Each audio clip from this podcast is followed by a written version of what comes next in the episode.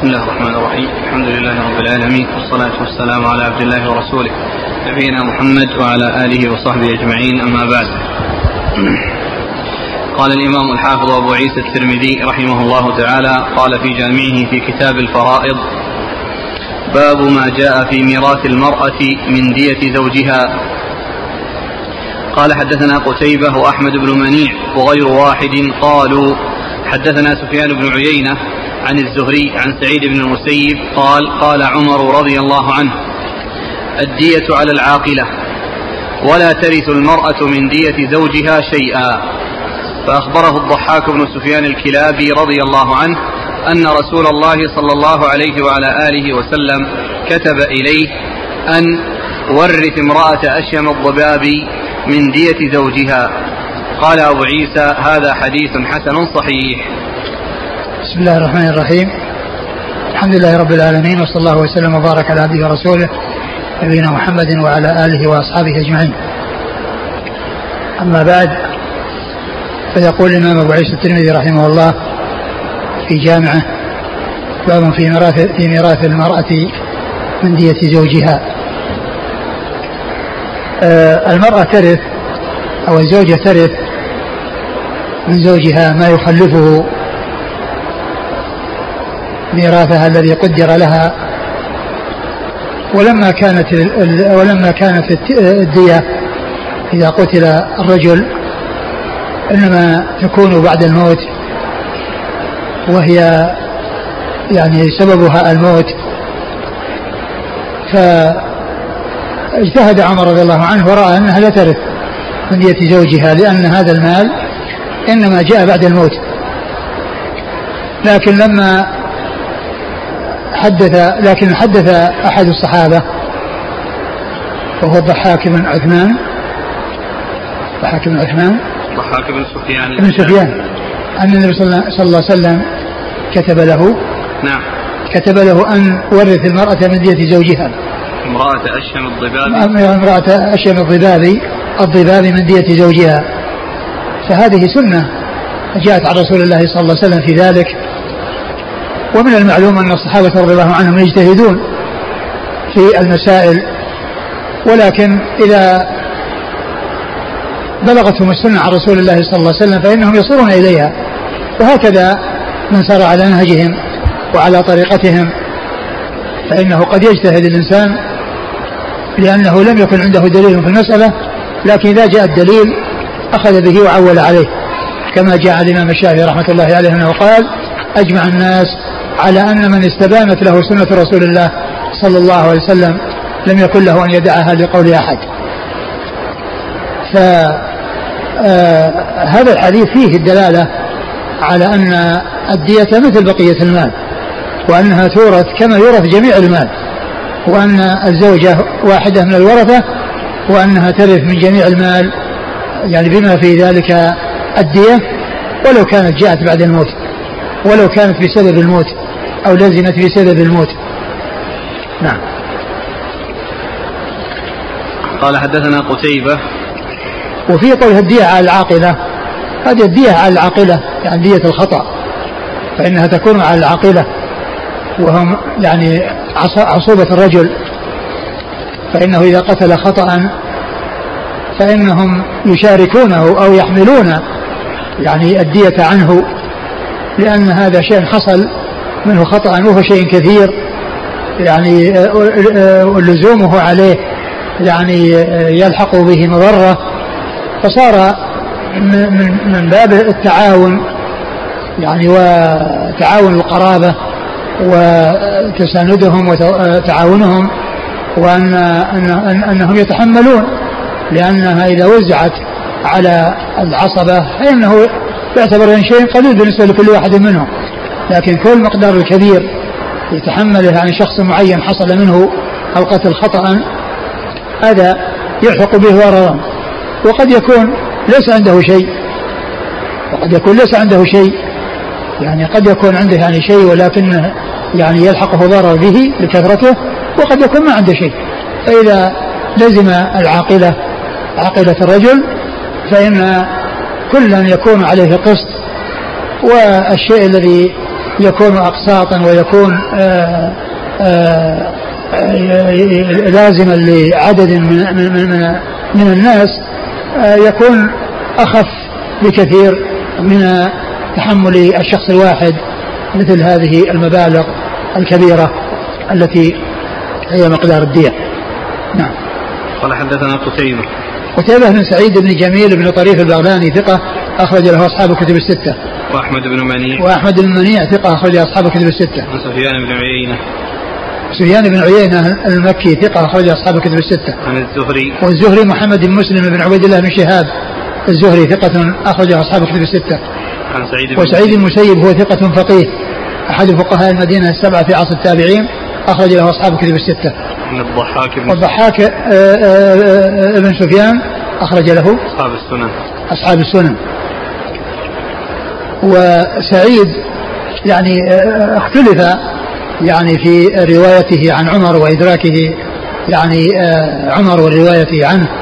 وهو يعني يحكي قصة حصلت في زمن عمر وأن عمر حصل منه كذا وأن الضحاك يعني حدث بهذا الحديث يعني حدث به عمر. وقد يعني ذكر ابن القيم في آخر كتابه تهذيب السنن تقوية القول بأن يعني بثبوت رواية سعيد عن عن عمر وأنها صحيحة وأنه سمع منه وهذا في آخر كتابه تهذيب السنن. نعم. قال رحمه الله تعالى باب ما جاء أن الأموال للورثة والعقل على العصبة. قال حدثنا قتيبة قال حدثنا الليث عن ابن شهاب عن سعيد بن المسيب عن أبي هريرة رضي الله عنه. أن رسول الله صلى الله عليه وعلى آله وسلم قضى في جنين امرأة من بني لحيان سقط ميتا بغرة عبد أو أمة. ثم إن المرأة التي قضي عليها بالغرة توفيت. فقضى رسول الله صلى الله عليه وعلى آله وسلم أن ميراثها لبنيها وزوجها وأن عقلها على عصبتها. قال أبو عيسى وروى يونس هذا الحديث عن الزهري عن سعيد المسيب وأبي سلمة عن أبي هريرة عن النبي صلى الله عليه وآله وسلم نحوه. ورواه مالك عن الزهري عن أبي سلمة عن أبي هريرة ومالك عن الزهري عن سعيد بن المسيب عن النبي صلى الله عليه وآله وسلم مرسل.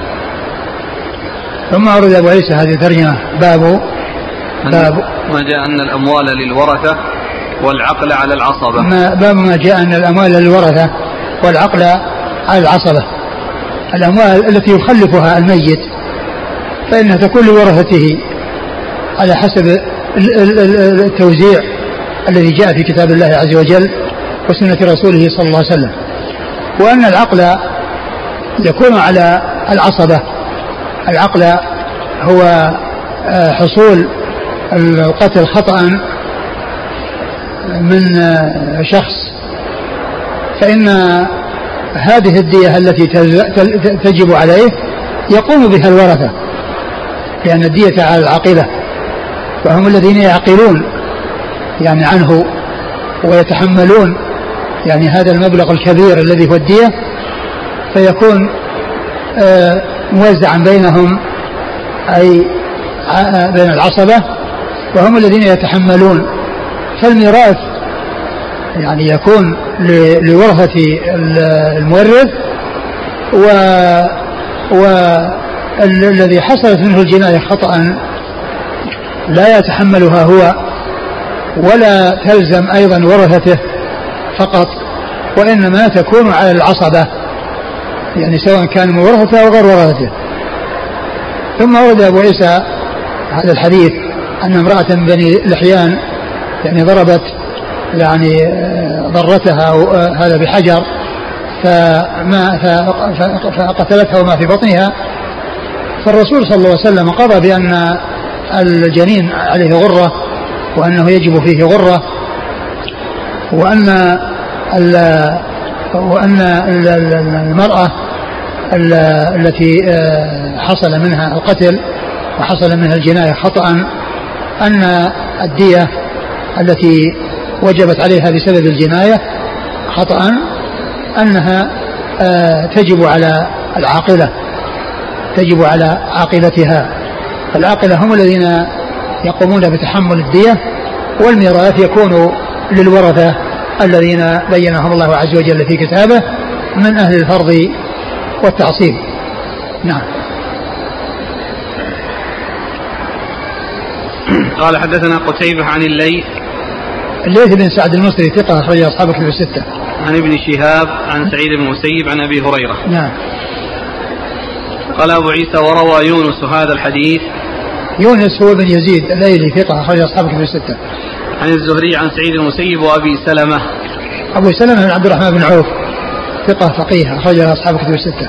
ورواه مالك عن الزهري.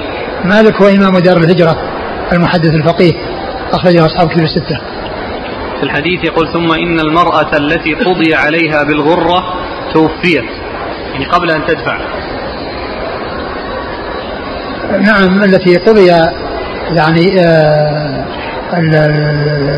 التي قضي عليها بالغرة يعني آه آه توفيت فصار ميراثها لورثها والعقل الذي آه كان عليها أو الدية التي كانت عليها إنما تكون على عاقلتها يعني معناه ان القتل يعني يعني ان الموت صار قريبا. نعم. قبل الدفع الدفع نعم نعم. قال رحمه الله تعالى باب ما جاء في ميراث الذي يسلم على يدي رجل على يدي الرجل. قال حدثنا أبو كريب قال حدثنا أبو أسامة بن نمير ووكيع. عن عبد العزيز بن عمر بن عبد العزيز عن عبد الله بن موهب. وقال بعضهم عن عبد الله بن وهب عن تميم الداري رضي الله عنه أنه قال سألت رسول الله صلى الله عليه وعلى آله وسلم ما السنة في الرجل من أهل الشرك يسلم على يدي الرجل من المسلمين؟ فقال رسول الله صلى الله عليه وعلى آله وسلم هو أولى الناس بمحياه ومماته. قال أبو عيسى هذا حديث لا نعرفه إلا من حديث عبد الله بن وهب ويقال ابن موهب عن تميم الداري. وقد أدخل بعضهم بين عبد الله بن وهب وبين تميم الداري قبيصة بن ذؤيب رضي الله عنه ولا يصح. رواه يحيى بن حمزة عن عبد العزيز بن عمر وزاد فيه قبيصة بن ذؤيب. والعمل على هذا الحديث عند بعض أهل العلم وهو عندي ليس بمتصل. وقال بعضهم يجعل ميراثه في بيت المال وهو قول الشافعي. واحتج بحديث النبي صلى الله عليه وعلى آله وسلم أن الولاء لمن أعتق. باب ميراث الذي يسلم على يدي الرجل. باب ميراث الذي يسلم على يدي الرجل. يعني عرفنا فيما مضى أن الميراث بالولاء يعني يكون في آه، آه، من جهة المولى من أعلى أنه يرث المولى من أسفل أي أن المعتق يرث العتيق. كما جاء في حديث عائشة إنما الولاء لمن أعتق. إنما الولاء لمن أعتق.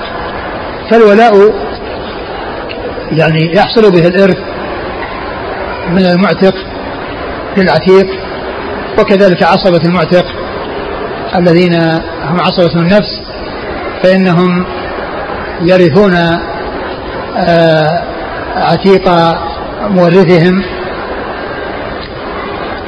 وأما من أسلم على يدي إنسان فهل يرثه؟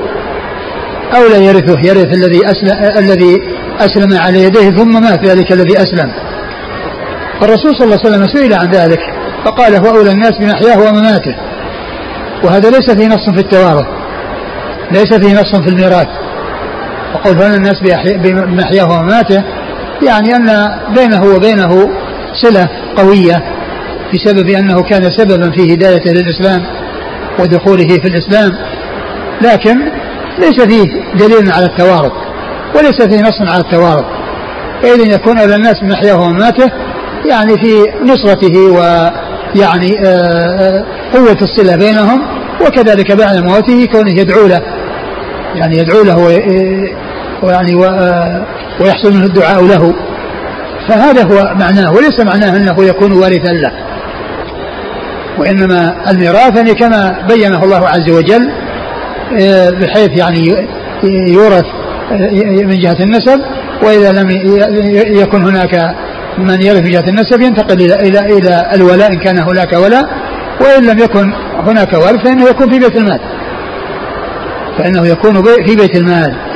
فالحديث ليس بصريح ولا واضح الدلالة وإنما يكون الذي يموت وليس له وارث يعني المال الذي يخلفه يكون في بيت المال ويصرف في المصارف التي يراها الإمام. فبعض أهل العلم أخذ من هذا الحديث أنه يرثه ولكن القول الصحيح أنه لا يرث لأن هذا الحديث ليس بواضح الدلالة على الميراث وإنما التوارث يكون بالنسب ويكون بالسبب الذي هو الزوجية وكذلك بولاء العتاقة. وليس ولاء الإسلام. ومن المعلوم أن الولاء يطلق على ولاء العتاقة من أسفل ومن أعلى. فالمعتق قال له مولى والمعتق الذي هو العتيق قال له مولى. وأيضا يطلق على الحلف يعني الموالاة بالحلف يعني يكون في مولى. وكذلك أيضا في الإسلام إذا أسلم على يديه وقال له مولى ولهذا الإمام البخاري رحمه الله مولى الجعفيين. وهذه يعني وهذا إنما حصل عن طريق الإسلام لأن أحد أجداد البخاري أسلم على يد رجل من الجعفيين. فكان مولى الجعفيين ولهذا البخاري قال مولاهم. يعني الجعفيين مولاهم يعني مولى الجعفيين. يعني البخاري ينتسب إلى الجعفيين ولاء وأما مسلم فينتسب إلى القشيريين نسبا. ينتسب إلى القشيريين نسبا لأنه منهم. ولهذا يقولون آه، في البخاري مولاهم يعني الجعفيين مولا الجعفي مولاهم ويقال في مسلم القشيري من أنفسهم.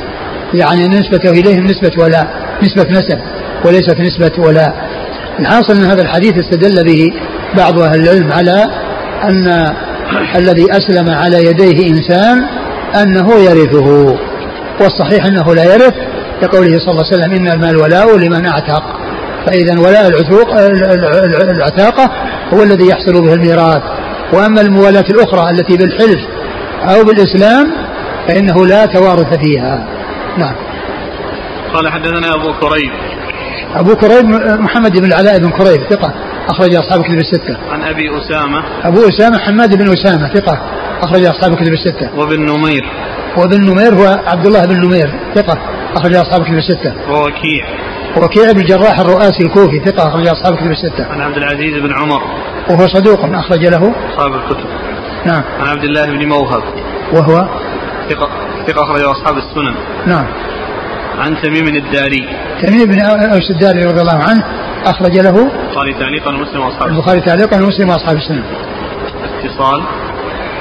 آه قيل إن فيه آه قبيصة بن ذؤيب الذي بينهم وقال الترمذي أنه ليس عندي بمتصل آه لكن آه لكن آه يعني آه قيل إن إن عبد العزيز أنه كان يروي عن عن تميم بواسطة وبغير واسطة الذي هو عبد الله بن موهب. شوف الشارح إيش قال في هذا.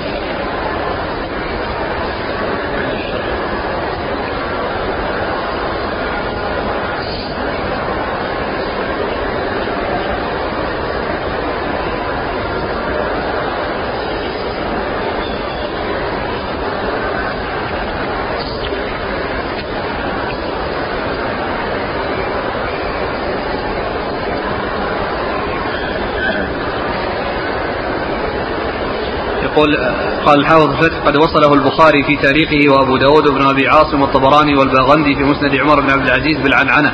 كلهم من طريق عبد العزيز بن عمر بن عبد العزيز. قال سمعت عبد الله بن موهب يحدث عمر بن عبد العزيز عن قبيصة بن ذؤيب عن تميم الداري. قال قلت يا رسول الله ما السنة في الرجل؟ الحديث. وهو قول الترمذي وعندي ليس متصل. قال البخاري في صحيح واختلفوا في صحة هذا الخبر. وقد بسط الحافظ الكلام على هذا الحديث في الفتح والعين في العمدة. بس. هذا. نعم.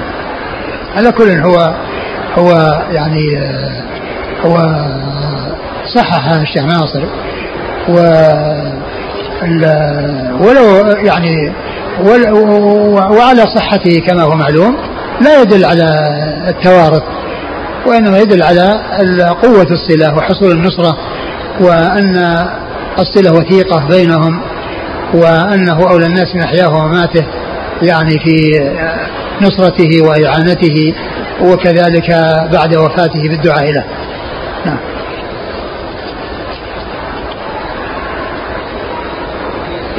وقد أدخل بعضهم قبيصة بن ذؤيب. قبيصة بن ذؤيب له رؤية أخرج له. أصحاب الكتب. نعم. ورواه يحيى بن يحيى بن حمزة. هو؟ ثقة أخرج أصحاب الكتب. نعم. يقول السائل إذا مات هذا المسلم الجديد في بلد ليس فيه بيت مال وليس له ورثة ما العمل؟ آه كما هو ينقل أقول ينقل إلى يعني آه إلى بلاد المسلمين ويكون في بيت مال المسلمين. نعم. قال رحمه الله تعالى باب ما جاء في إبطال ميراث ولد الزنا. قال حدثنا قتيبة قال حدثنا ابن لهيعة عن عمرو بن شعيب عن أبيه عن جده رضي الله عنه أن رسول الله صلى الله عليه وآله وسلم قال أيما رجل عاهر بحرة أو أمة فالولد ولد زنا لا يرث ولا يورث. قال أبو عيسى وقد روى غير ابن لهيعة هذا الحديث عن عمرو بن شعيب والعمل على هذا عند أهل العلم أن ولد الزنا لا يرث من أبيه. ثم أورد أبو عيسى باب في إبطال ميراث ولد الزنا. ولد الزنا. يعني أن الزاني لا يعني يصير آه يعني آه أبا يعني آه ينسب إليه آه الذي الذي تحلل من مائه لأنه ولد من سفاح لا من نكاح والنسب إنما يكون في النكاح وليس في السفاح. فإذا عاه وقد أورد أبو عيسى هذا الحديث أن أيما امرأة يعني رجل عاهر من امرأة حرة أو أمة ف فإن فالولد ولد زنا. فالولد ولد زنا لأنه جاء من انسفاح لا من نكاح ولا يرث لا يرث ولا يورث. ولا يورث يعني لا يرث يعني آه ذلك الذي آه زنى لا توارث بينه وبينه. فهذا لا يرث الزاني والزاني لا يرث هذا الذي تحدر من ماء. لا يرث هذا الذي تحدر من مائه. نعم. قال حدثنا قتيبة عن ابن لهيعة. ابن لهيعة آه، صدوق اختلط لما احترقت كتبه و آه، وبعض الرواة آه، الذين يروى عنه منهم من سمع قبل الاختلاط ومنهم قتيبة والعبادلة الأربعة الذين هم عبد الله بن وهب وعبد الله بن يزيد وعبد الله بن آه، مسلمة بن قعنب وعبد الله بن آه، بن مبارك. نعم. مسلم وأبو داود والترمذي وابن ماجه. أبو داود؟ مسلم وأبو داود نعم. والترمذي وابن ماجه. نعم. عن عمرو بن شعيب. عمرو بن شعيب صدوق أخرجه البخاري في جزء القراءة وأصحاب السنن. عن ابيه عن أبيه وهو صدوق أيضا أخرجه البخاري في رفع اليدين. في القراءة وفي الأدب المفرد. وفي الأدب المفرد وأصحاب السنة نعم. عن جده. عن جده عبد الله بن عمرو بن العاص رضي الله تعالى عنهما وهو أحد العبادلة الأربعة من الصحابة وحديثه أخرجه أصحاب الكتب الستة. قال رحمه الله تعالى باب ما جاء في من يرث الولاء. قال حدثنا قتيبة قال حدثنا ابن لهيعة عن عبد بن شعيب عن أبيه عن جده رضي الله عنه أن رسول الله صلى الله عليه وآله وسلم قال يرث الولاء من يرث المال. قال أبو عيسى هذا حديث ليس إسناده بالقوي. ثم أورد أبو عيسى هذا باب من يرث في من يرث الولاء. في من يرث الولاء. من الذي يرث الولاء؟ الولاء الذي هو العتق والمعتق هو صاحب النعمة وهو الذي يرث. وإذا مات المعتق من الذي يرثه؟ من الذي يرث الولاء الذي له؟ يعني الذي يكون له الولاء هم العصبة المتعصبون بأنفسهم. يعني دون الإناث. لأن الإناث لا يرثن في الولاء إلا المعتقة. المعتقة إذا أعتقت أو يعني أعتق من أعتقت فإنها ترث. وأما يعني بدون الاعتاق فإن المال يختص به الرجال الذين يرثون تعصيبا بالنفس الذين هم عصبة بالنفس هم الذين يستقلون بالميراث. والنساء لا يرثن في الولاء إلا ما حصل منهن مباشرة العتاق أو أعتقه من أعتقنا فإنه في هذه الحالة يكون الولاء لهن أو الميراث الذي يكون نتيجة لهذا الولاء يعني يكون لهن. وأورد أبو عيسى حديث عمرو بن شعيب عن أبيه عن جده أن النبي صلى الله عليه وسلم قال يرث يرث الولاء من يرث المال. يرث الولاء من يرث المال. يرث الولاء يعني من يرث المال. وهذا المقصود به يعني الذين يرثون الذين يحوزون المال. ويرثونه ويستقلون به. إذا انفرد الواحد منهم كالإبن وكذلك الأب وكذلك الجد وكذلك الأخ الشقيق والأخ لأب والعم الشقيق والعم لأب وأبنائهم يعني ابن الأخ الشقيق من أخ لأب وابن العم الشقيق وابن العم لأب. هؤلاء هم الذين يعني يرثون لأنهم عصبة لأنهم عصبة وأما غيرهم فإنه لا يرث. والحديث تكلم الترمذي وقال إنه لا يصح. ولكن هذا الإسناد هو مثل الإسناد الذي قبله وهو من رواية قتيبة عن عن ابن الله نعم.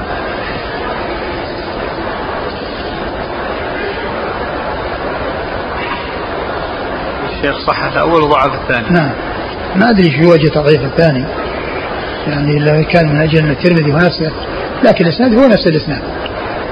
وقتيبة هو الذي روى إذا كان له علة خفية يعني لا أدري ما هي.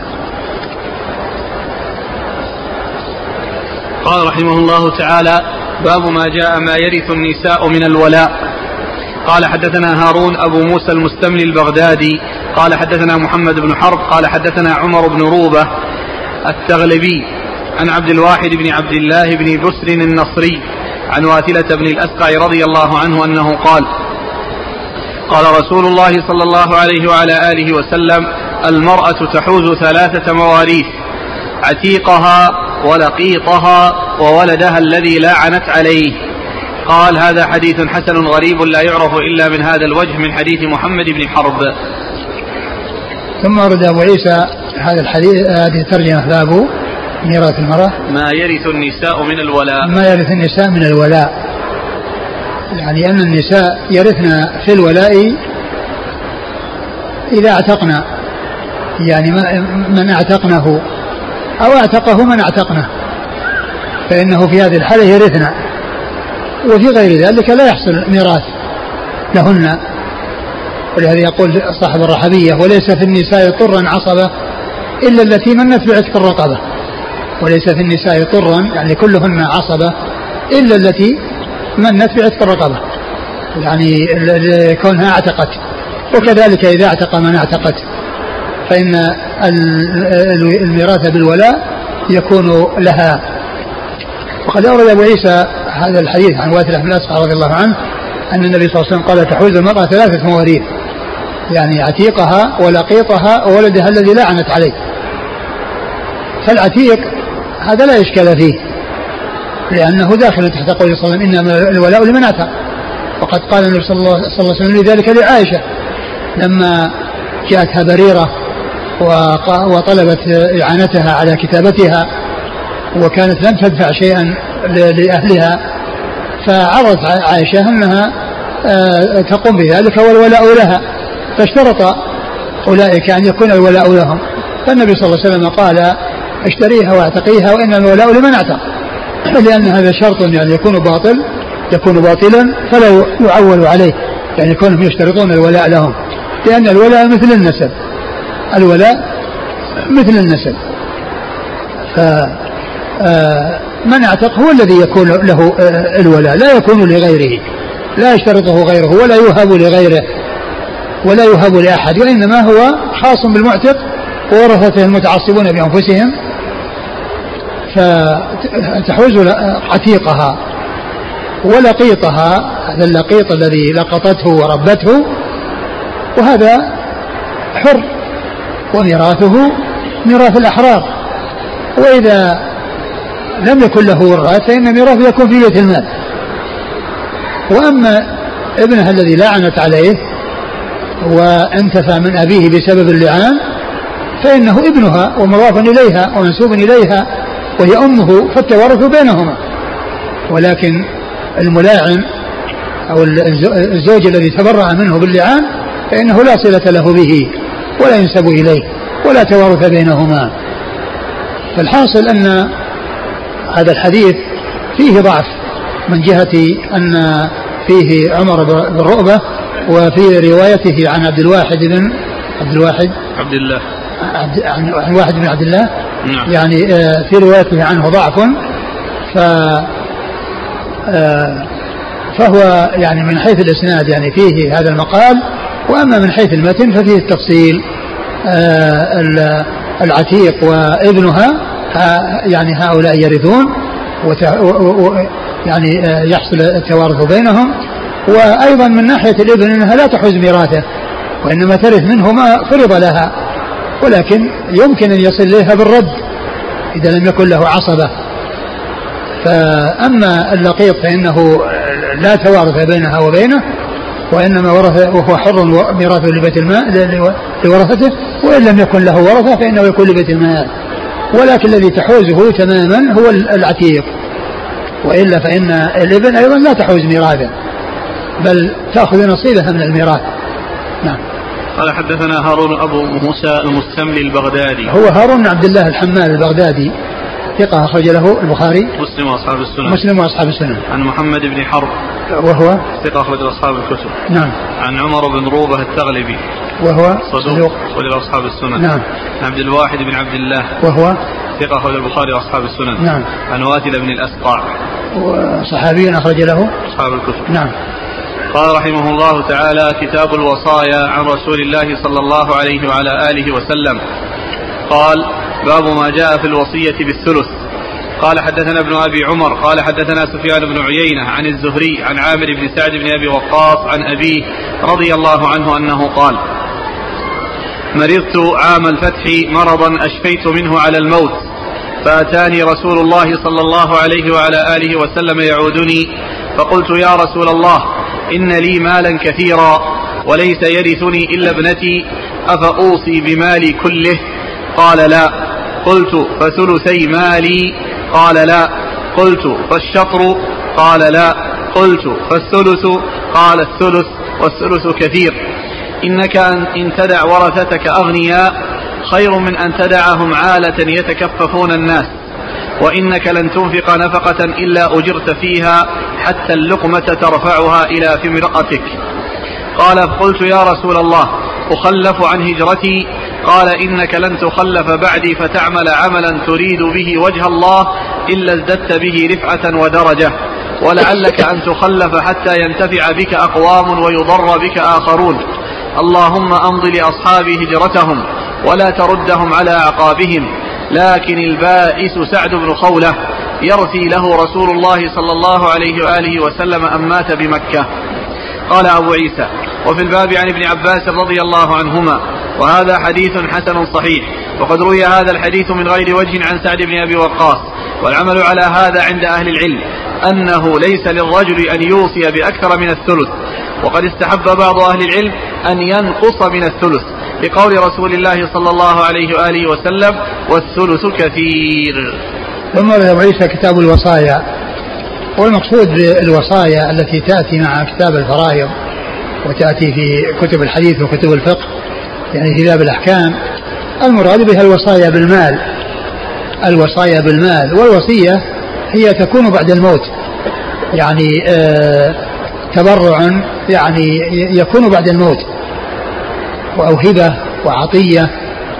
يعني تكون بعد الموت لا تكون في الحياة لأن الذي في الحياة هبة وعطية وما يكون بعد الموت يقال له وصية.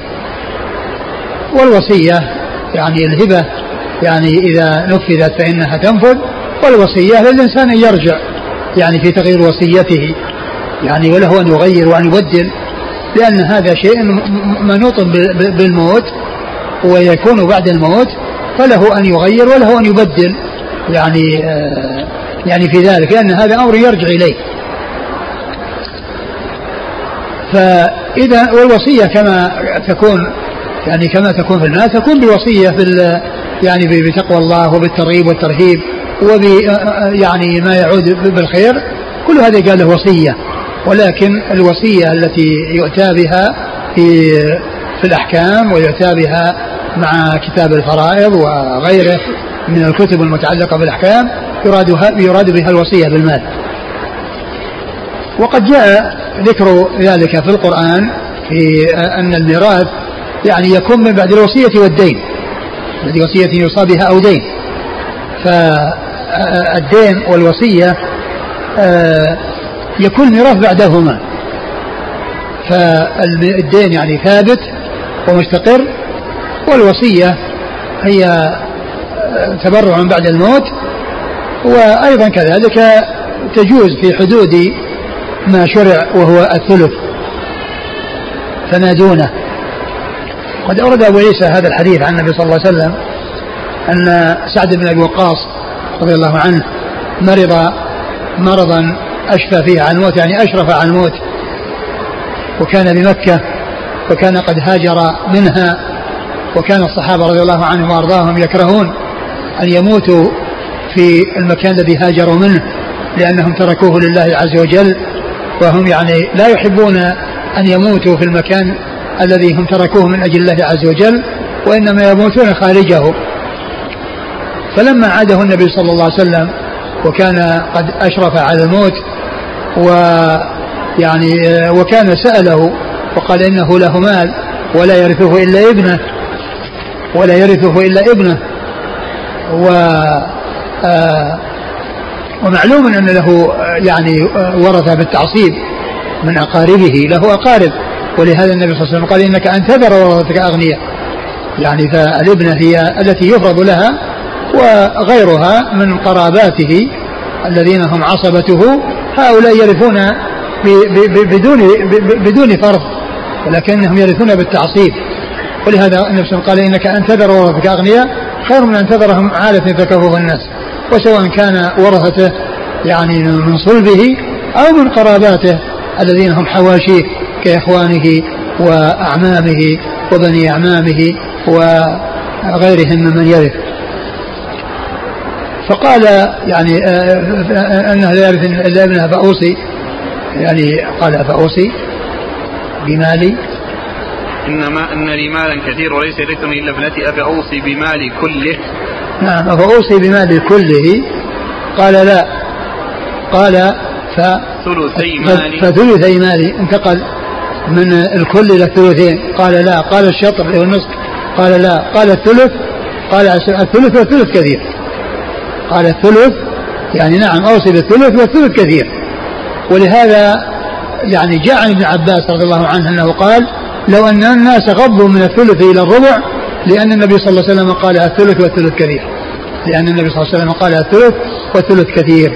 فإذا الحد الأقصى الذي يحصل به تحصل به الوصية هو الثلث وأنه لا يجوز الزيادة على الثلث. لا يجوز له أن يوصي بما زاد على الثلث وإن أوصى بما زاد على ثلث فإن ذلك يرجع إلى الورثة. إن أجازوه فيعتبر وإلا فإنه لا يعتبر. ثم قال يا رسول الله وخلف إيش بعده؟ بعد قوله والثلث كثير إنك أن تدع ورثتك أغنياء خير من أن تدعهم عالة. إنك أن تذر ورثتك أغنياء خير من أن تذرهم عالة يتكففون الناس. يعني كل إنسان يحرص على إفادة نفسه وإفادة غيره وأن من وراءه لا يكونون عالة على غيرهم ولا يحتاجون إلى أن يمدوا أيديهم للناس يسألونهم بل يكتفون بما يخلفه لهم مورثهم من المال. هذا خير من أن يعني أن يوصي بماله كله أو بأكثر ماله ثم يبقى ورثة عالة يتكفف الناس. ف يعني أقرباء أولى بالمعروف وأولى بالإحسان. وهذا حق فرضه الله عز وجل لهم. فجعل هناك حد يجوز في الوصية لا يتجاوز ولا يتعدى الذي هو الثلث وما بعد ذلك يكون للورثة. وما سوى الثلث أو ما دون الثلث يكون للورثة. ثم قال وإنك لن تنفق نفقة إلا أجرت فيها حتى اللقمة ترفعها إلى في امرأتك. وإنك لن تنفق نفقة آه، إلا أجرت عليها حتى اللقمة ترفعها إلى في امرأتك. لأن إن, أن الإنسان إذا أنفق يعني مالا سواء كان إنفاقه مما هو واجب عليه كالإنفاق على الزوجة وعلى يعني من تلزمه مؤونتهم ومن ومن يعولهم فإنه وإن كان ذلك الذي يحصل منه واجبا عليه إلا أنه بالاحتساب فإنه يؤجر على ذلك. لأن الإنسان إذا أنفق أو أدى الشيء الواجب عليه وهو محتسب فإنه يؤجر على ذلك. بخلاف ما إذا كان أنفق وهو كاره أو أنفق بحكم القاضي بكونه لم ينفق على قراباته الذين يعني تلزمه نفقتهم إلا بحكم القاضي فإن هذا لا يؤجر لأنه ما احتسب وما أقدم على القيام بما يجب عليه إلا بحكم الحاكم وبقضاء القاضي. وإنك إنك لن تنفق نفقة تبتغي بها وجه الله إلا أجرت عليها حتى ما تجعله في في امرأتك. نعم. قال قلت أخلف عن هجرتي. قال إنك لن تخلف بعدي. أخلف عن هجرتي. يعني أنه يعني آآ آآ هو يعني متأثر ومتألم من كونه يخشى أن يكون أن يموت بمكة. وهي مكان هجرته. وكانوا يكرهون أن يموتوا في المكان الذي هاجروا منه وقد تركوه من أجل الله فيحبون أن يموتوا في غيره. وهذا المرض حصل له بمكة. حصل له بمكة في حجة الوداع. الرسول صلى الله عليه وسلم قال له قال إنك لن تخلف إنك إنك لن تخلف بعدي فتعمل عملا تريد به وجه الله إلا ازددت به رفعة ودرجة. نعم إنك لن تخلف بعدي يعني وأنك تعيش يعني بعدي ولم تعمل عملا تبتغي به وجه الله إلا إزددت به رفعة وازددت به درجة. يعني أن الإنسان إذا حصل له زيادة في العمر أو حصل له يعني فسحة في الأجل وأنه آه يعني آه فإن فإنه يعمل أعمالا صالحة فيكون في ذلك زيادة أجر كما قال سلام خيركم من طال عمره وحسن عمله. من طال عمره وحسن عمله. و و ويشقى وإنك ولعلك أن تخلف حتى ينتفع بك أقوام ويضر بك آخرون. ولعلك أن تخلف حتى ينتفع بك أقوام ويضر بك آخرون. وقد حصل ذلك فإنه عاش وتوفي رضي الله عنه سنة خمسين وانتفع به أناس وضر وحصل تضرر آخرين من الكفار لأنه هو الذي فتح العراق وهو الذي كان أمير الجيوش. وحصل انتصار وانتفع به المسلمون وتضرر به الكفار الذين قاتلهم رضي الله تعالى عنه وأرضاه. وهذا من يعني من من علامات نبوته صلى الله عليه وسلم. حصل أن سعدا رضي الله عنه عاش وحصل على يديه الخير الكثير للمسلمين من الفتوحات وانتصار الإسلام وكذلك النكاية بالكفار. والحاق الضرر بهم رضي الله تعالى عنه وأرضاه. نعم. اللهم أمض لأصحاب هجرتهم ولا تردهم على عقابهم لكن البائس سعد بن خولة. أمض لأصحاب هجرتهم يعني أنهم يعني آه يتحقق لهم يعني مقتضى الهجرة وأنهم يعني آه يتركون لا يبقون في البلد الذي هاجروا فيه ولا يموتون في البلد الذي هاجروا منه وإنما يموتون في غيرها لأنهم يكون بذلك يعني آآ آآ آآ صارت نهايتهم أنهم ماتوا في غير المكان الذي هاجروا منه. اللهم أمضي لاصحاب هجرتهم ولا تردهم على أعقابهم ولا تردهم على أعقابهم. لكن البائس سعد بن قولة يعني يرثي له الرسول صلى الله عليه وسلم لأنه مات بمكة وكان ممن هاجر فلم يحصل له أن مات في غير مكة بل حصل له أن مات في المكان الذي هاجر منه. نعم. أبي عمر. هو العدني صدوق أخرج حديثه مسلم هو الترمذي والنسائي بن ماجه. عن سفيان بن عيينة. نعم ثقة أخرج أصحاب كتب الستة. عن الزهري عن عامر بن سعد. عامر بن سعد بن أبي وقاص ثقة أخرج أصحاب كتب الستة. عن أبيه أبو سعد بن وقاص سعد بن أبي وقاص رضي الله عنه أحد العشرة المبشرين بالجنة وحديثه أخرجه أصحاب كتب الستة. وفي الباب والعشرة المبشرون بالجنة كلهم أخرجهم أصحاب الكتب الستة. وهو أبو بكر وعمر وعثمان وعلي وطلحة والزبير وسعد بن أبي وقاص وسعيد بن زيد وعبد الرحمن بن عوف وأبو عبيدة بن الجراح هؤلاء هم العشرة المبشرون بالجنة وكلهم أخرج له أصحاب الكتب الستة وفي الباب عن ابن عباس ابن عباس عبد الله بن عباس بن عبد المطلب ابن عم النبي صلى الله عليه وسلم وأحد العبادله الأربعة من الصحابة وأحد المكثرين من حديث رسول الله صلى الله عليه وسلم. إذا ما جاء في الروايه مرضت عام الفتح. يعني آه الصحيح أنه عام آه، عام حجة الوداع كما جاء في في الروايات الأخرى. قال رحمه الله تعالى باب ما جاء في الضرار في الوصية. قال حدثنا نصر بن علي الجهضمي. قال حدثنا عبد الصمد بن عبد الوارث. قال حدثنا نصر بن علي وهو جد هذا النصر. قال حدثنا الأشعث بن جابر عن شهر بن حوشب عن أبي هريرة رضي الله عنه أنه حدثه عن رسول الله صلى الله عليه وعلى آله وسلم أنه قال إن الرجل ليعمل والمرأة بطاعة الله ستين سنة ثم يحضرهما الموت فيضار فيضاران في الوصية فتجب لهما النار. ثم قرأ علي أبو هريرة من بعد وصية يوصى بها أو دين غير مضار وصية من الله إلى قوله وذلك الفوز العظيم.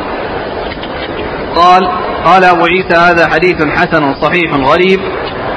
ونصر بن علي الذي روى عن الأشعث بن جابر هو جد نصر بن علي الجهضمي. ثم ورد أبو عيسى باب ما جاء في الضرار في الوصية. باب ما جاء في الضرار بالوصية يعني أن الإنسان إذا أوصى وصية يعني ناجي الضرار يضار بها الورثة. يعني ليس المقصود منها إلا الضرار.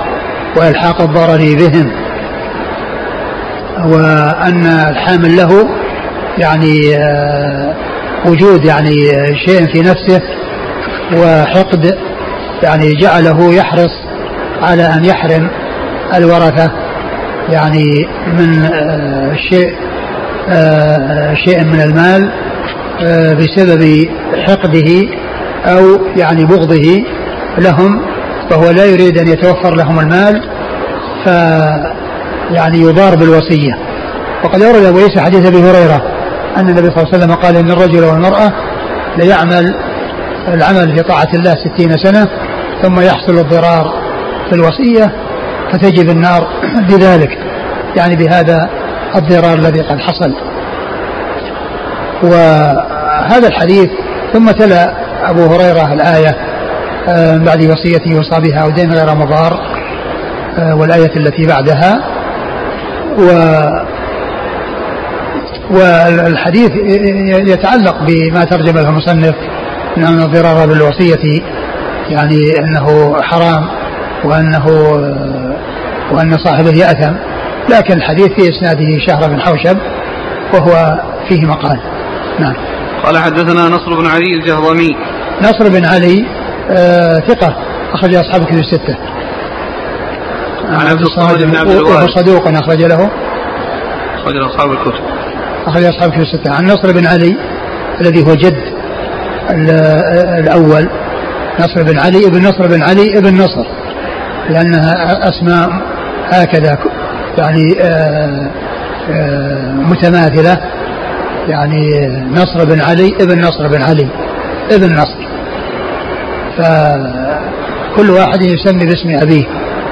فصار يعني هذا الازدواج وهذا التكرر في الأسماء وهذا يحصل في بعض آه، الرجال مثل خليفة بن خياط بن خليفة بن خياط ويعني وغيرهم يعني ممن يكون يعني على هذا النحو وعلى هذا المنوال. ونصر بن علي الثاني الذي هو الجد ثقة أخرج أصحاب كتب الستة. ولهذا فإن التشابه الذي يكون بين الآباء والأبناء بسبب تكرر الأسماء يعني يؤدي إلى الاشتباه. ولهذا آه، ابن رشد الحفيد وابن رشد الجد اشتركوا في أمور متعددة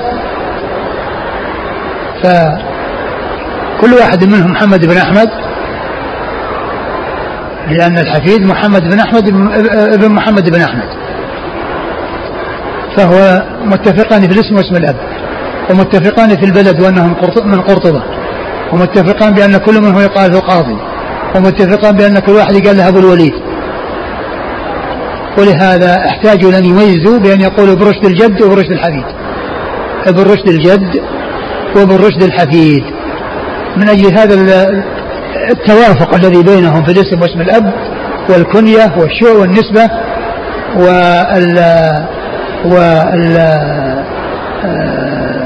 والكنية الكنية والنسبة. نعم. أخرجه أصحاب السنن. نعم. عن الأشعث بن جابر. يخرج أصحاب السنن منه الحفيد. الجد. نعم؟ الجد. الجد أصحاب السنن؟ نعم. نعم.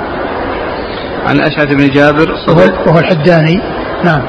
صدوق رجل البخاري تعليقا واصحاب السنن. نعم. عن شهر بن حوشب. وهو صدوق كثير. الإرسال والأوهام. نعم.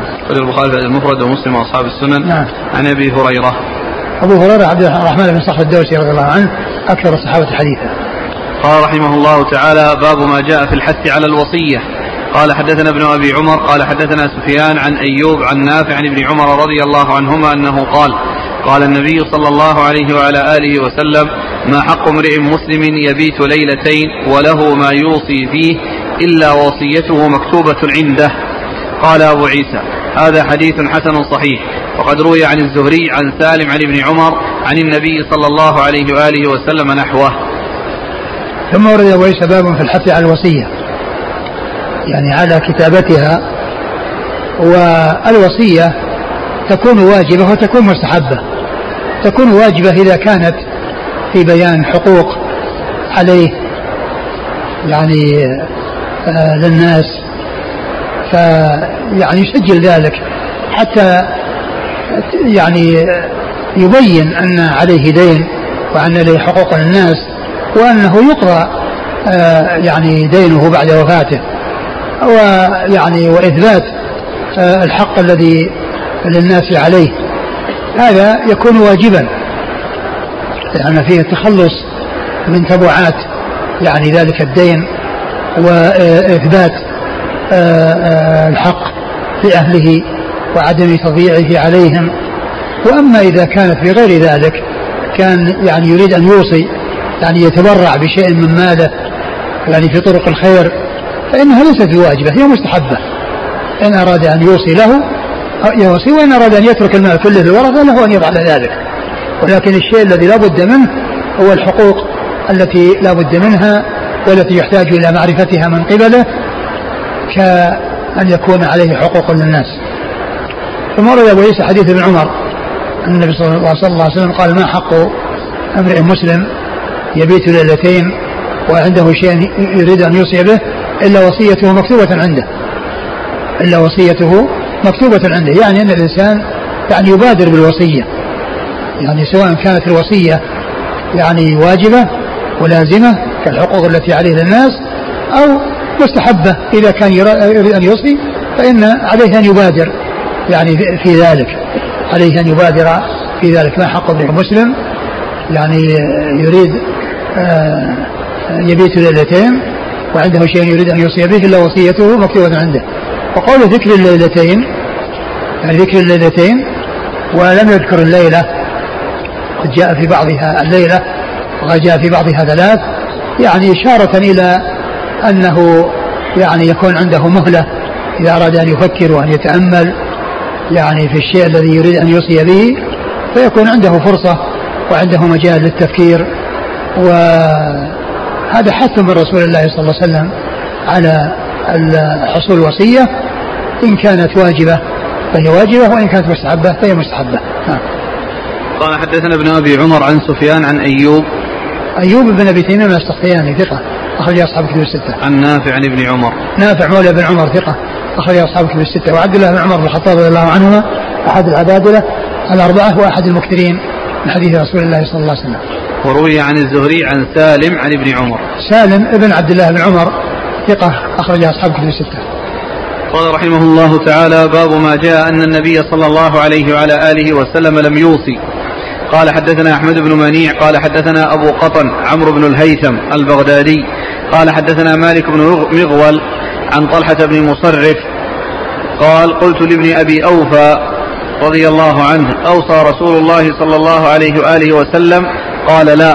قلت كيف كتبت الوصية وكيف أمر الناس؟ قال أوصى بكتاب الله. قال أبو عيسى هذا حديث حسن صحيح غريب لا نعرفه إلا من حديث مالك بن مغول. ثم أورد أبو عيسى هذه الترجمة باب ما جاء أن النبي صلى الله عليه وسلم لم يوصي. ما جاء أن النبي صلى الله عليه وسلم لم يوصي.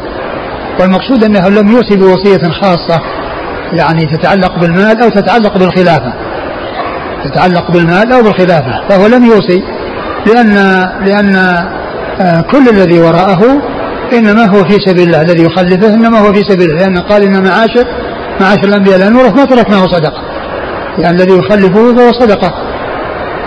ولا, ولا يورث عنه المال عليه الصلاة والسلام. وهذا شأن الأنبياء أنه لا يورث عنهم المال وإنما يورث عنهم العلم. الذي هو الحق والهدى. الذي به الخروج من الظلمات إلى النور. فميراث الأنبياء العلم النافع. ولهذا جاء في الحديث عن النبي صلى الله عليه وسلم قال وإن العلماء ورثة الأنبياء وإن الأنبياء لم يورثوا دينارا ولا درهما وإنما ورثوا العلم فمن أخذ به أخذ بحظ وافر. فالرسول صلى الله عليه وسلم لم يوصي لا بالخلافة ولا بالمال أو بشيء من المال لأن ما يخلف الرسول هو صدقة كما جاء ذلك في حديث آخر عن رسول الله عليه الصلاة والسلام. ولكنه أوصى بكتاب الله وأوصى بوصايا يعني في آخر حياته عليه الصلاة والسلام يعني تتعلق بالأحكام يعني شرعية وحث على أمور وحث على أشياء ولكن الوصية العامة هي الوصية بكتاب الله عز وجل. الوصية بكتاب الله عز وجل. وقد أورد أبو عيسى حديث عبد الله بن أبي أوفى رضي الله عنه أنه قيل له إيش؟ سأله طلحة بن مصرف أو أوصى رسول الله صلى الله عليه وسلم قال لا. أوصى رسول الله أوصى, رسول يعني أوصى صلى الله عليه وسلم قال لا. يعني لم يوصي. يعني الوصية المعينة. فهو لم يوصي بالخلافة لأحد ولم يوصي بالمال لأحد لأن المال لا يورث. بل أخبر بأن ما تركناه صدقة وكذلك أيضا لم يوصي بأن الخليفة بعده لفلان الخلافة بعده لفلان وفلان ليس هناك نص خاص عن رسول الله صلى الله عليه وسلم في الخلافة ولكنه جاء عنه أحاديث كثيرة تدل على أولوية أبي بكر بالخلافة وعلى أنه أحق بها من غيره. لكن ما جاء نص عن النبي صلى الله عليه وسلم يقول الخليفة بعدي فلان بن فلان أبدا. ما ثبت هذا عن رسول الله صلى الله عليه وسلم. ولكنه جاء نصوص تدل على أولوية أبي بكر وعلى حقيته بالخلافة من بعده رضي الله تعالى عنه وأرضاه. قلت كيف؟ كيف كتبت الوصية وكيف أمر الناس؟ كيف كتبت الوصية؟ يعني الوصية التي هي بغير المال لأن الذي نفاه هو المال أو الخلافة. قال أوصى الناس بكتاب الله. أوصى الناس بكتاب الله أي أنهم يعملون بما فيه يمتثلون الأوامر يجتنبون النواهي ويصدقون الأخبار والسنة أيضا هي من كتاب الله. السنة هي داخلة في كتاب الله. لأنها مفسرة له. وإذا عطفت عليه فإنه آه، آه، يكون المراد بها آه، حديث الرسول صلى الله عليه وسلم. لكن إذا لم ينص عليها فإن السنة داخلة في الكتاب في قوله عز وجل وما آتاكم الرسول فخذوه وما نهاكم عنه فانتهوا. ولهذا ابن مسعود رضي الله عنه لما ذكر الصادقة والحاذقة والشاقة فقال أو النامصة والمتنمصة قال ما لي لا, لا, ألعن من لعنه رسولا وهو موجود في كتاب الله. لما قال ابن مسعود رضي الله عنه ما لي لا ألعن من لعنه رسول الله صلى الله عليه وسلم وهو موجود في كتاب الله وهو حديث لعن الله النامصة والمتنمصة. قالت امرأة يا انظر يعني ماذا ما, ما هذا الذي تقول لقد قرأت المصحف من أوله إلى آخره ما وجدت فيه هذا الذي تقول؟ فقال إن كنت قرأتيه فقد وجدتيه.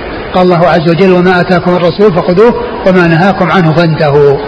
فسنة رسول الله صلى الله عليه وسلم داخلة تحت هذه الآية في الأمر بما جاء بالأخذ بما جاء فيها والانتهاء عما نهت عنه. وكذلك قول الله عز وجل فإن تنازعتم في شيء فردوه إلى الله والرسول.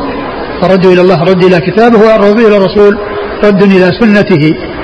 وهذا أمر في كتاب الله عز وجل. الحاصل أن الرسول أوصى بكتاب الله هو كتاب الله عز وجل هو الكتاب الذي أنزله الله على رسوله صلى الله عليه وسلم والسنة داخلة في الكتاب في قول الله عز وجل وما أتاكم الرسول فخذوه وما نهاكم عنه فانتهوا نعم قال حدثنا أحمد بن منيع عن أبي قطن عمرو بن الهيثم البغدادي عن أبي قطن نعم إيش هو؟ ماذا قال؟ ثقة أخرجه البخاري في المفرد ومسلم وأصحاب السنة. نعم. عن مالك بن مغول وهو ثقة أخرج أصحاب كتب الستة. عن طلحة بن مصرف. وهو ثقة أخرج أصحاب كتب الستة. عن ابن أبي أوفى. وهو عبد الله بن أبي أوفى أخرج أصحاب كتب الستة. قال رحمه الله تعالى باب ما جاء لا وصية لوارث. قال حدثنا علي بن حجر وهناد قال حدثنا إسماعيل بن عياش قال حدثنا شرحبيل بن مسلم الخولاني عن أبي أمامة الباهلي رضي الله عنه أنه قال سمعت رسول الله صلى الله عليه وآله وسلم يقول في خطبته عام حجة الوداع إن الله قد أعطى لكل ذي حق حقه فلا وصية لوارث الولد للفراش وللعاهر الحجر وحسابهم على الله. ومن ادعى إلى غير أبيه أو انتمى إلى غير مواليه فعليه لعنة الله التابعة إلى يوم القيامة. لا تنفق امرأة من بيت زوجها إلا بإذن زوجها. قيل يا رسول الله ولا الطعام؟ قال ذلك أفضل أموالنا. ثم قال العارية مؤداة والمنحة بردودة والدين مقضي والزعيم غارم.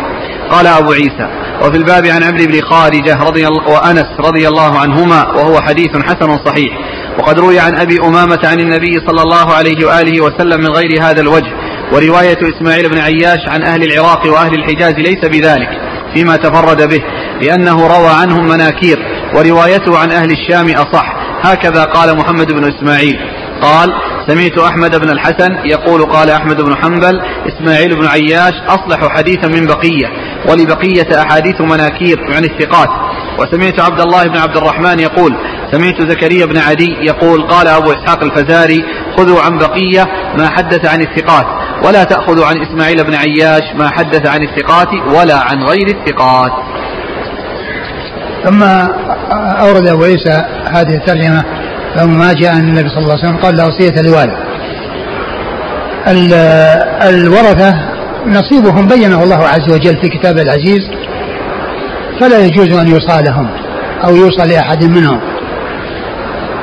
والوصية تجوز لغير الورثة وفي حدود الثلث. أما الوصية فلا يجوز أما الورثة فلا يجوز أن يوصى لهم لا في الثلث ولا في غير الثلث. لأن الله تعالى أعطاهم حقوقهم وفرض لهم حقوقهم. و وقد أورد أبو عيسى هذا الحديث عن أبي أمامة رضي الله عنه أن النبي صلى الله عليه وسلم قام قال في حجة الوداع إن الله قد أعطى كل ذي حق حقه فلا وصية لوالد. إن الله قد أعطى كل ذي حق حقه فلا وصية لوارث يعني أعطى كل ذي حق حقه فيما فرضه من المواريث في كتابه العزيز وكذلك في سنة رسوله صلى الله عليه وسلم. وقد جاء في الكتاب العزيز ثلاث آيات في سورة النساء فيها قسمة المواريث. فالآية الأولى فيها عمود النسب الآباء والأمهات والأبناء والبنات. والآية الثانية فيها الأزواج والإخوة لأم والآية الثالثة التي في آخر سورة النساء فيها ميراث الإخوة الأشقاء والإخوة لأب. إن الله أعطى كل ذي حق حقه فلا وصية لوارث. يعني لا يجوز أن يوصى لأحد من الورثة لأن الله تعالى قد أعطاه نصيبه فلا تحل ولا تصح الوصية له. نعم. الولد للفراش. الولد للفراش. يعني أن المرأة سواء كان زوجها أو أمه يعني إذا حصل منها ولد وهي يعني موطوءة يعني يعني تحت سيد أو تحت زوج فإن الولد للفراش أي أنه يكون يعني لصاحب الفراش ولا يكون للزاني إذا وجد زنا الزاني ليس له إلا الخيبة وليس له إلا يعني إلا التراب يعني لا يستحق شيئا بسبب زناه ولا يحصل ولدا بسبب الزنا الولد للفراش وللعاهر الحجر. العاهر اللي هو الزاني. فإذا زنى بامرأة وهي ذات زوج أو يعني أمة فالذي يولد هو لصاحب الفراش. ولا يكون للعاهر شيء بل له الخيبة. وش بعده؟ وللعاهر الحجر وحسابهم على الله. نعم. ومن ادعى إلى غير أبيه أو انتمى إلى غير مواليه فعليه لعنة الله التابعة إلى يوم القيامة. وهذا لا يجوز لإنسان ينتسب إلى غير أبيه. ولا أيضا عبد ينتسب أو ينتمي إلى غير مواليه ومن فعل ذلك أو فعل خلاف ذلك بأن انت انتمى إلى غير انتسب إلى غير أبيه أو انتمى إلى غير مواليه فإن فإنه حصل فإن النبي صلى الله عليه وسلم آه، بين أن أن من فعل ذلك فإنه ملعون وأن عليه لعنة الله التابعة وفي بعض الروايات المتتابعة إلى يوم القيامة ويدل على تحريم ذلك وأنه من الكبائر. نعم.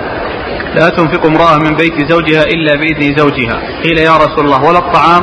قال ذلك أفضل أموالنا. لا تنفق المرأة من بيت زوجها إلا بإذن زوجها. يعني سواء ذلك الإذن يعني آه، صريحا أو آه، يعني حكما بمعنى أنها عرفت من عادته أنه آه، يعني موافق على تصرفها. فإذا عرفت منه ذلك إما نصا وإما يعني فهما ويعني إقرارا يعني لها على ما يحصل منها فإن ذلك إذن منه. وإذا لم يحصل لا هذا ولا هذا فإنه ليس لها أن تنفق سواء كان طعاما أو غيره. ولهذا لما سئل عن الطعام قال إنه قال إنه خير أفضل أموالنا. أفضل أموالنا الذي هو الطعام. نعم. العارية مؤداة. العارية مؤداة يعني أن على صاحب المستعير أن يؤدي العارية إلى المعير. إذا خلص منها وألا يبقيها ويعني يعرضها للتلف أو يعني يبقيها وهو غير محتاج إليها فإنما عليه أن يستفيد منها ثم يرجعها إلى صاحبها. والمنحة مردودة. والمنحة مردودة يعني ال ال الشاة أو الناقة التي تعطى لمن يحلبها ويستفيد من, من لبنها فإنها إذا انتهى منها وانتهى لبنها فإنه يردها إلى مالكها. لأن الإعطاء إنما هو للمنفعة لا للرقبة. لأن المنحة حصلت في المنفعة لأنه منح المنافع اللي هو اللبن ولم يمنح الرقبة التي هي العين فهو لم يملكها وإنما أعطاه إياها ليستفيد منها ثم يرجعها فهي مردودة على صاحبها عندما ينتهي حليبها والاستفادة من درها. والدين مقضي. والدين مقضي يعني يلزم قضاءه نعم. والزعيم والزعيم غارم الزعيم الذي ضمن ويعني كفل آه، فإنه يضمن يعني الذي ضمنه. ويغرم الشيء الذي ضمنه يعني إذا التزم بأن يضمن حق إنسان على إنسان فإنه يلزمه أن يقوم بالشيء الذي التزم به. نعم. قال حدثنا علي بن حجر. هو بن إياس السعدي ثقة أخرجه البخاري ومسلم والترمذي والنسائي. وهناد. هناد بن السري ثقة أخرجه البخاري في خلق أفعال العباد ومسلم وأصحاب السنة. عن إسماعيل بن عياش. إسماعيل بن عياش صدوق في روايته عن الشاميين وهو مخلط في غيرهم وهذا من روايته عن الشاميين. أخرج له البخاري في رفع اليدين وأصحاب السنن نعم. عن شرحبيل بن مسلم الخولاني. وهو؟ صدوق فيه لين أخرجه أبو داود والترمذي وابن ماجه. نعم. عن أبي أمامة الباهلي. أمامة صدي بن عجلان الباهلي رضي الله عنه أخرج له أصحاب كتب الستة. وفي الباب عن عمرو بن خارجة. هو أخرج له الترمذي والنسائي وابن ماجه. نعم. وأنس. أنس بن مالك خادم النبي صلى الله عليه وسلم وأحد المكثرين من حديثه. قال ورواية إسماعيل بن عياش عن أهل العراق وأهل الحجاز ليس بذاك فيما تفرد به لأنه روى عنهم مناكير. وروايته عن أهل الشام أصح هكذا قال محمد بن إسماعيل. يعني هذا هو المعتبر في حق في رواية إسماعيل بن عياش أنه إذا روى عن أهل الشام فإن روايته معتبرة وأما إذا روى عن غيرهم من أهل العراق والحجاز أو غير أهل بلده فإنه مخلط في غيرهم فلا تعتبر. قال سمعت أحمد بن الحسن يقول قال أحمد بن حنبل إسماعيل بن عياش أصلح حديثا من بقية. أحمد بن الحسن هو الترمذي وهو ثقة أخرج البخاري والترمذي. نعم. أه قال ولبقية أحاديث مناكير عن الثقات وسمعت عبد الله بن عبد الرحمن. هو الدارمي وهو ثقة أخرجه مسلم وأبو داود والترمذي. نعم. يقول سمعت زكريا بن عدي. وهو ثقة أخرج أصحاب كتب الستة. إلا أبا داود في المراسيل. نعم. قال أبو إسحاق الفزاري. وهو إبراهيم بن محمد بن الحارث ثقة أخرجه أصحاب الكتب. نعم. خذوا عن بقية ما حدث عن الثقات ولا تأخذوا عن إسماعيل بن عياش ما حدث عن الثقات ولا عن غير الثقات. يعني هذا الكلام في إسماعيل بن عياش يعني كون لا يؤخذ منه يعني ما حدث به مطلقا هذا خلاف.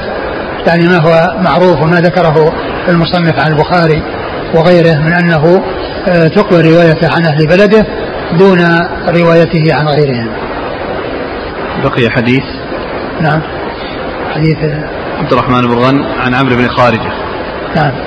قال حدثنا قتيبة قال حدثنا أبو عوانة عن قتادة عن شهاب بن حوشب عن عبد الرحمن بن غن عن عمرو بن خارجة رضي الله عنه أن النبي صلى الله عليه وآله وسلم خطب على ناقته وأنا تحت جيرانها وهي تقصع بجرتها وإن لعابها يسيل بين كتفي فسمعته يقول إن الله أعطى كل ذي حق حقه ولا وصية لوارث والولد للفراش وللعاهر الحجر ومن ادعى إلى غير أبيه أو انتمى إلى غير مواليه رغبة عنهم فعليه لعنة الله. لا يقبل الله منه صرفا ولا عدلا. قال وسمعت أحمد بن الحسن يقول قال أحمد بن حنبل.